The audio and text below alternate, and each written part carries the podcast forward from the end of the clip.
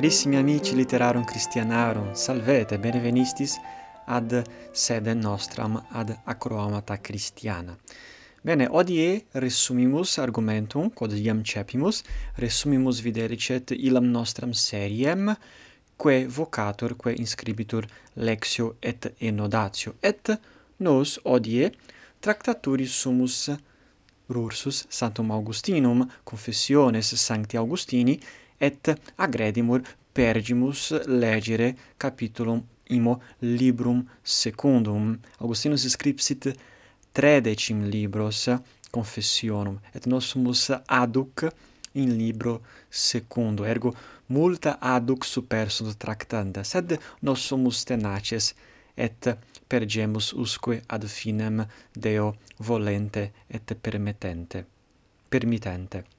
Bene, Nos iam uh, initium fecimus, et nunc pergimus in capitulo secundo. Et Augustinus narrat in ac parte furtum sum, furtum quod fecit, cum esset puer, cum esset adolescens sedecim anorum, narrat furtum pirorum, et presertim investigat dispositiones, investigat intima cordis sui, id est, quae fuit vera causa ad illud furtum patrandum. Videamus, legamus et uh, una investigemus. Furtum illud pirorum. Dicit Augustinus. Furtum certe punit lex tua domine, et lex scripta in cordibus hominum quam ne ipsa quidem delet iniquitas. Quis enim fur equo animo furem patitur, nec copiosus ad actum inopia. Et ego furtum facere volui, et feci nulla compulsus egestate, nisi penuria et fastidio justitiae et sagina iniquitatis. Bene, ergo Augustinus non narrat ipsum furtum in his in his primis sententiis sed iam loquitur de lege domini et de precepto contra furtum. Vidiamus, Augustinus dicit, furtum certe punit lex tua domine et lex scripta in cordibus hominum. Augustinus loquitur de duabus legibus. Altera lex est lex divina, vel lex quedistur positiva, cur positiva, quia Deus dedit, tradidit hominibus. Et ec lex est illa, quam Deus Moisi in monte Sinai tradidit, et que exprimuntur decem preceptis, ergo illa precepta nobilissima, quae aduc, uh, dicamus, vig vigent, sunt uh, lex domini, lex tradita ad domino Moisi. Sunt decem illa precepta. Ec est lex domini, lex tua.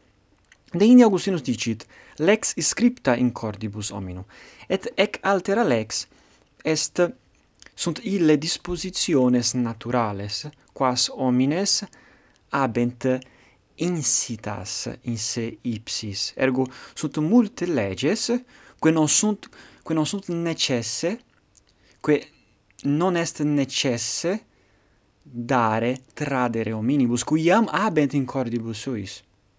Exempli gratia homo eh, natura sua scit bonum esse sequendum et malum vitandum. Exempli gratia. Et homo natura sua scit uh, eh, non posse innocentem occidere. Homo natura sua scit furtum facere non posse, et ita por sunt leges quae sunt in cordibus hominum scripte. Et ec quoque lex est lex Dei, sed non est lex tradita hominibus ad Deo, sed, ex, sed est lex insita in cordibus hominum, quia Deus illic, Deus indidit, illa, illas leges cum hominem crearet. Bene.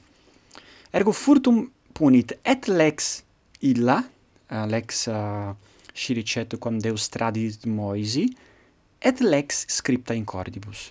Ergo, uh, utraque lex punit furtum.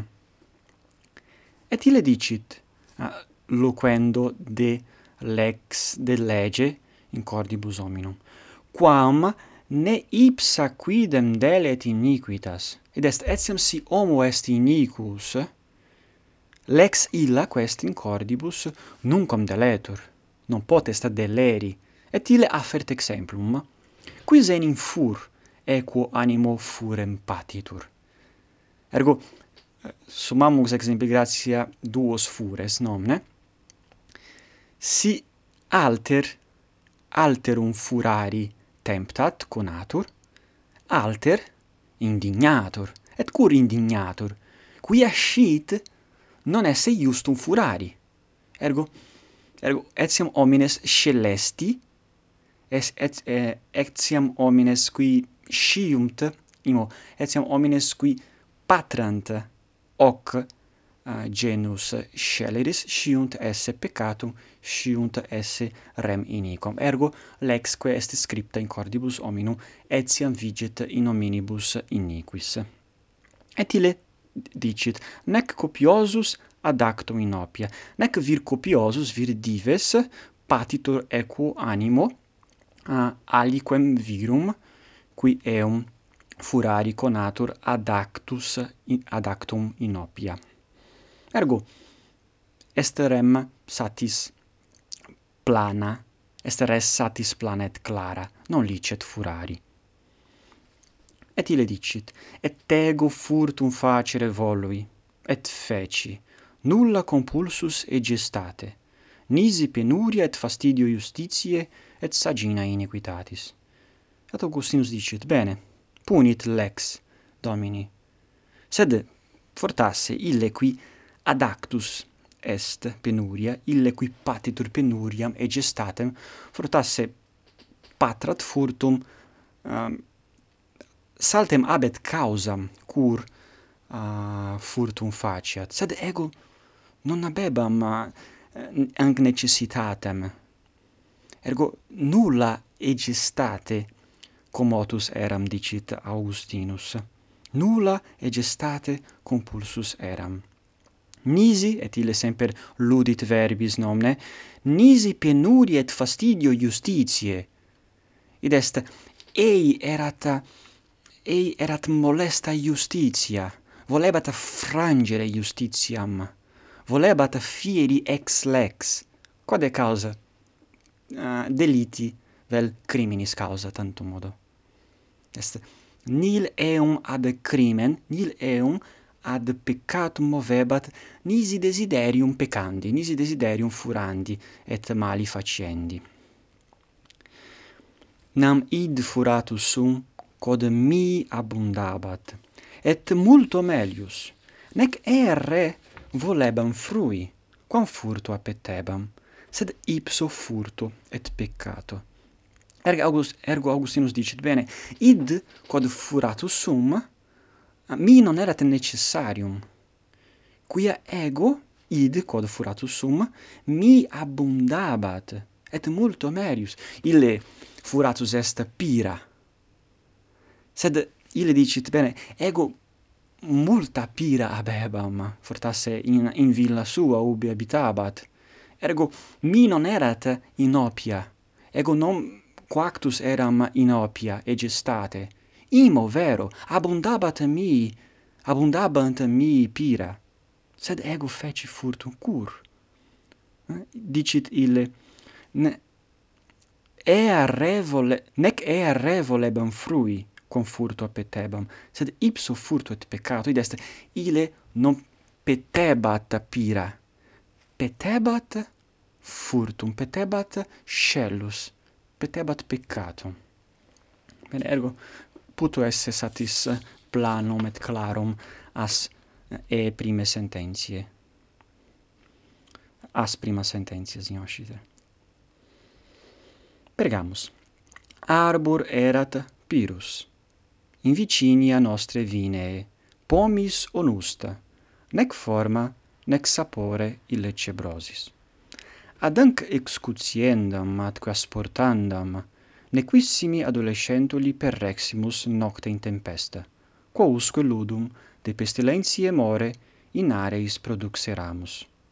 Et abstulimus inde onera ingentia, non ad nostras epulas, sed vel proicienda porcis, etiam si aliquid inde comedimus, dum tamen fieret, fieret a nobis, quod eo liberet, quo non liceret.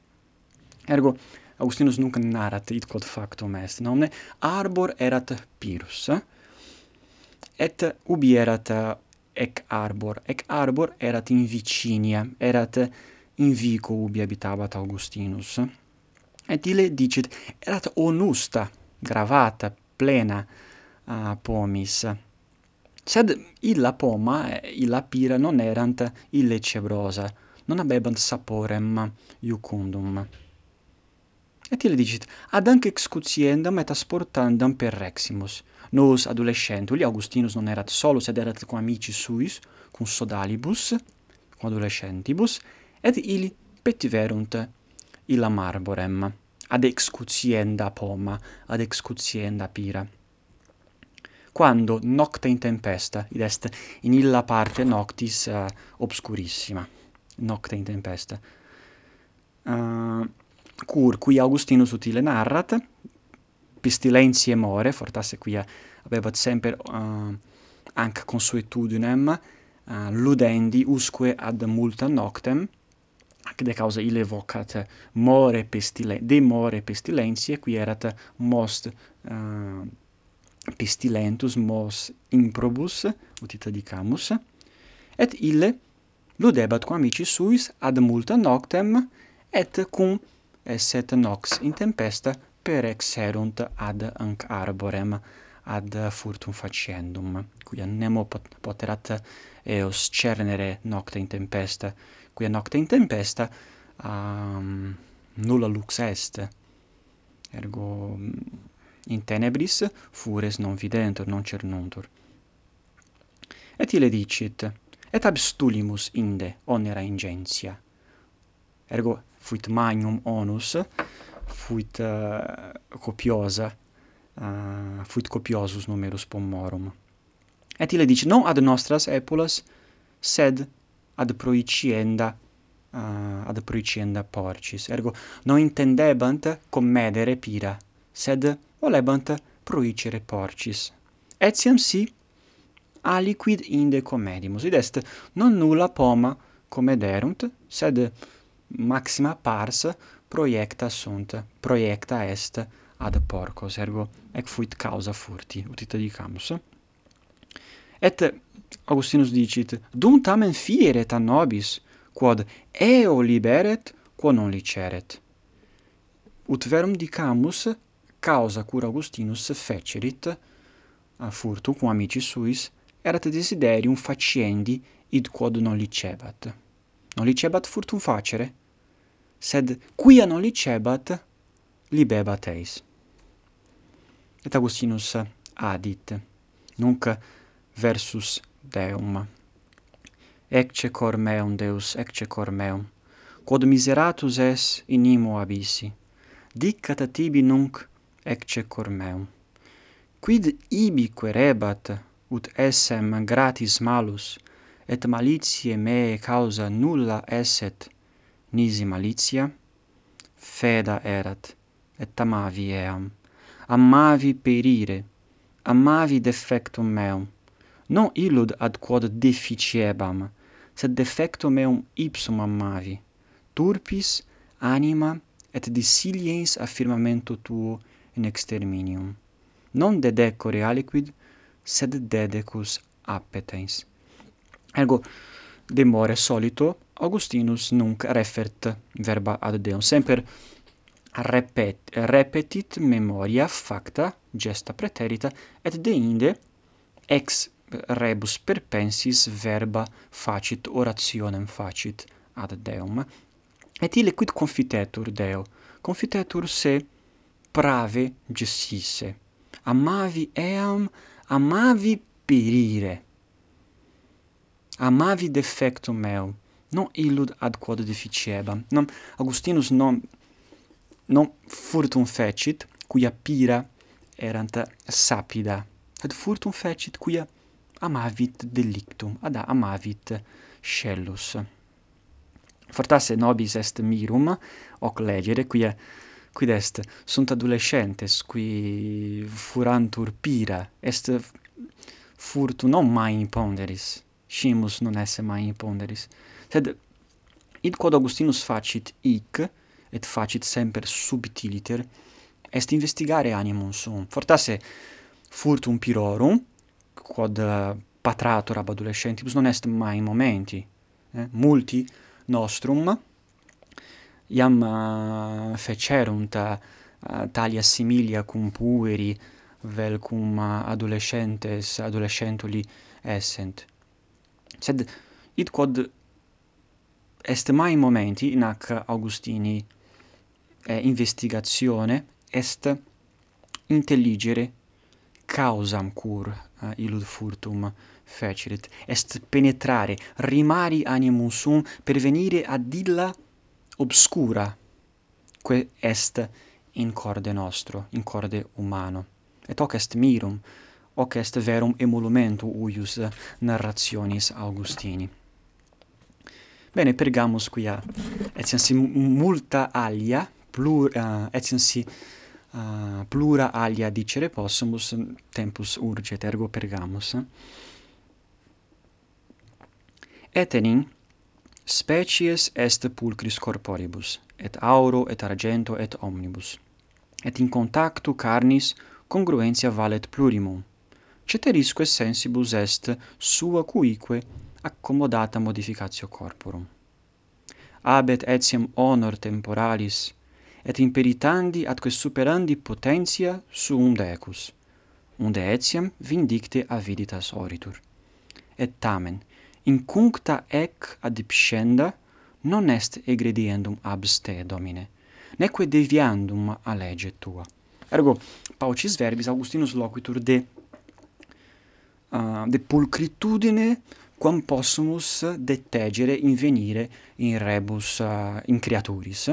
Dicit ille species est pulcris corporibus et auro et argento et omnibus. Id est omnia quae sunt facta quae sunt creata quia sunt ad Deo creata abent specient speciem sunt sunt pulcra.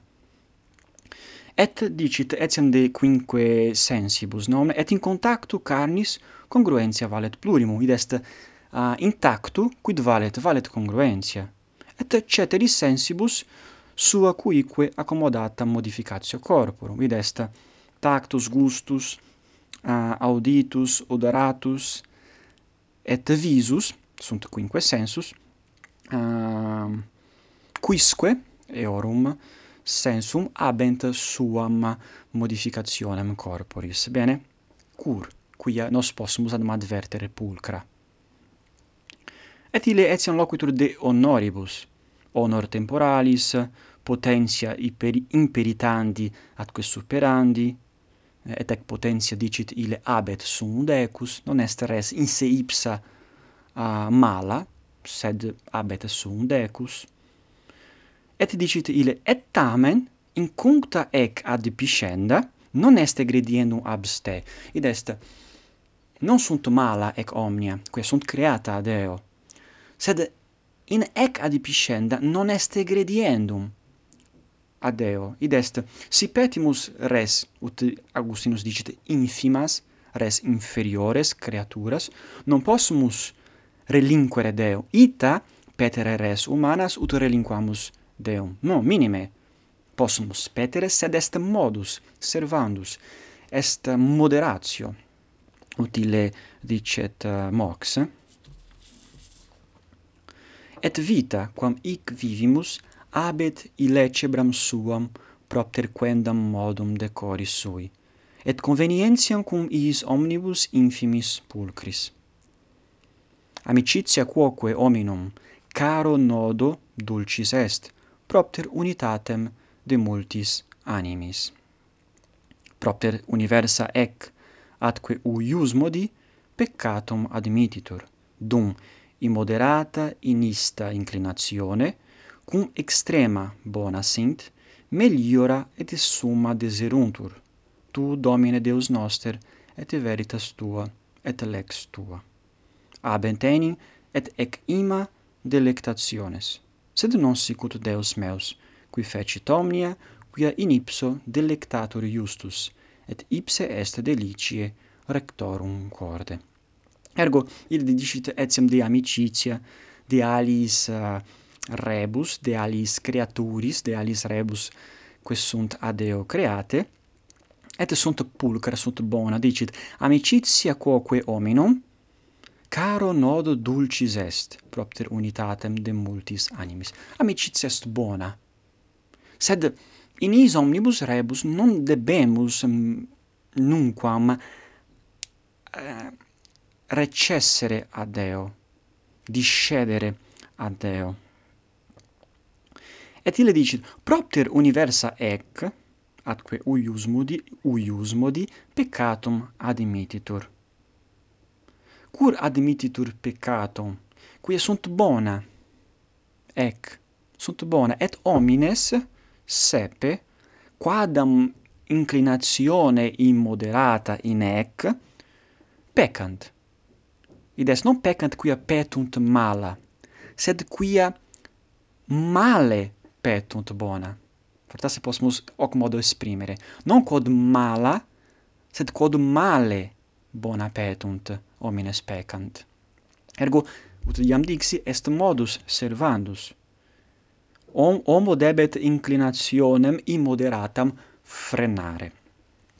Ita ut Deus, qui est bonus sumus semper ab homine ametur.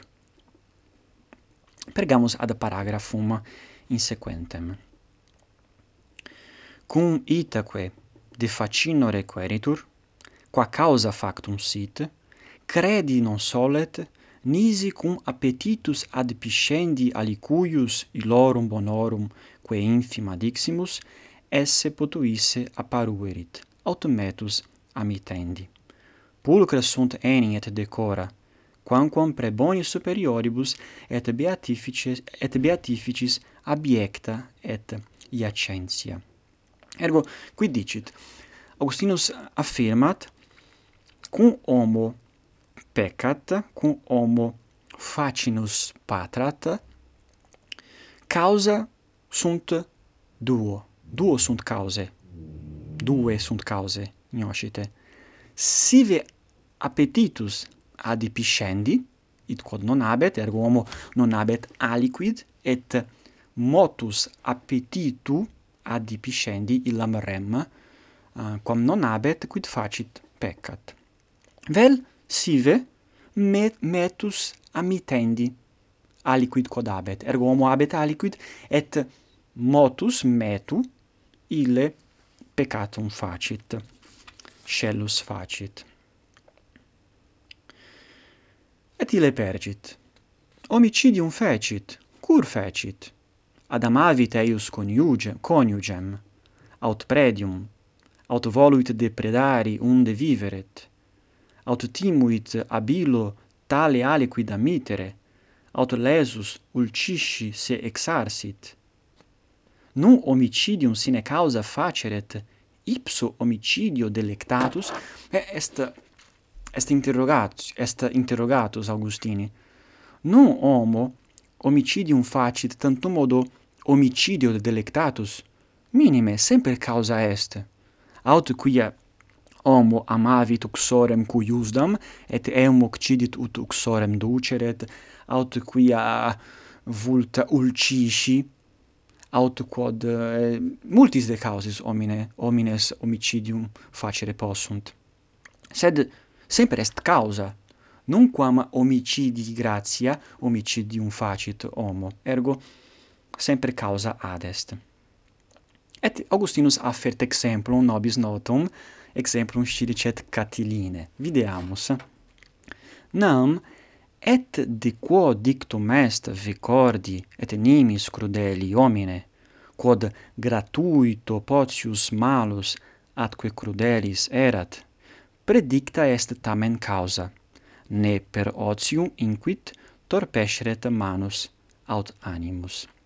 Ergo sunt verba, quae hic eh, referet Augustinus, salustii, salustius qui scripsit de Catilina, hoc dixit et Augustinus nunc ah, uh, sumit illum locum salusti ut uh, exemplum ut proponat Catilinam exemplum.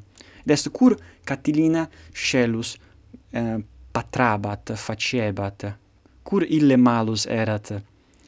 Et Augustinus dicit bene salustius dicebat eum esse malum et crudellem gratuito. Sed etiam cum malus videbatur gratuito, semper causa aderat, no? Ne per otium torpesceret manus aut animus. Et non solum hoc videamus qui Augustinus alia dicit. Quere id quoque? Cur ita? Id est cur Catilina manus et animus torpes eh, non tor non non torpescere volebat timebat torpescere ergo patrabat semper uh, multa multa delicta. Quere id quoque? Cur ita cur ita uh, agebat Catilina? Ut sciricet illa exercitatione scelerum capta urbe honores imperia divitias assequeretur. Et careret metu et careret metu legum et difficultate rerum propter in opiam rei familiaris et conscientiam scelerum. Id est. Scelus facere Catiline erat quasi exercitatio quasi exercitatio ita ut semper paratus esset ad scelera maiora uh, facienda. Ergo ac de causa semper gratuito malus vocabatur Catilina non erat gratuito, cur quia ile volebat semper accuere suam capacitatem malifacienti utita dicamus, nomne? Et quodam modo opprimere conscientiam scelerum, ita ut cum ita ut nactus occasionem posset qui eh, id quod opportunum eivi debator facere. Et uh, deinde dicit et finem facit uic uh, paragrafo. Nec ipse igitur Catilina amavit facinora sua, sed utique aliud cuius causa illa faciebat. Ergo, Catilina non amabat facinora, sed amabat id quod per facinus adipisci uh, intendebat. Ergo, etiam ille, qui vocabatur malus gratuito non erat malus gratuito sed semper aliquid faciebat ut assequeretur ulteriora. Ergo faciamus pausam qui iam locutus sum uh, eh, satis diu nis non possum non habeo hic uh, nullum ah, ita iam per uh, triginta temporis spatia uh, uh, triginta temporis momenta locutus sum ergo faciamus nunc pausamet in proxima nostra in proximo nostro conventu per pergemus et loquemur de secundam partem huius fulti pirorum vel de alis elucubrationibus quas fecit Augustinus de ac materia. Per gratias vobis ago. Spero vobis placuisse. Est uh, Augustinus semper paucis veribis multa dicit ergo fortasse oportet uh, lentius procedere, quia sic possumus maiori profunditate eh, uh, subtilius uh, eh, tractare verba Augustinique sunt verba semper ponderosa. Ergo gratias vobis ago et in proximum valete sodales.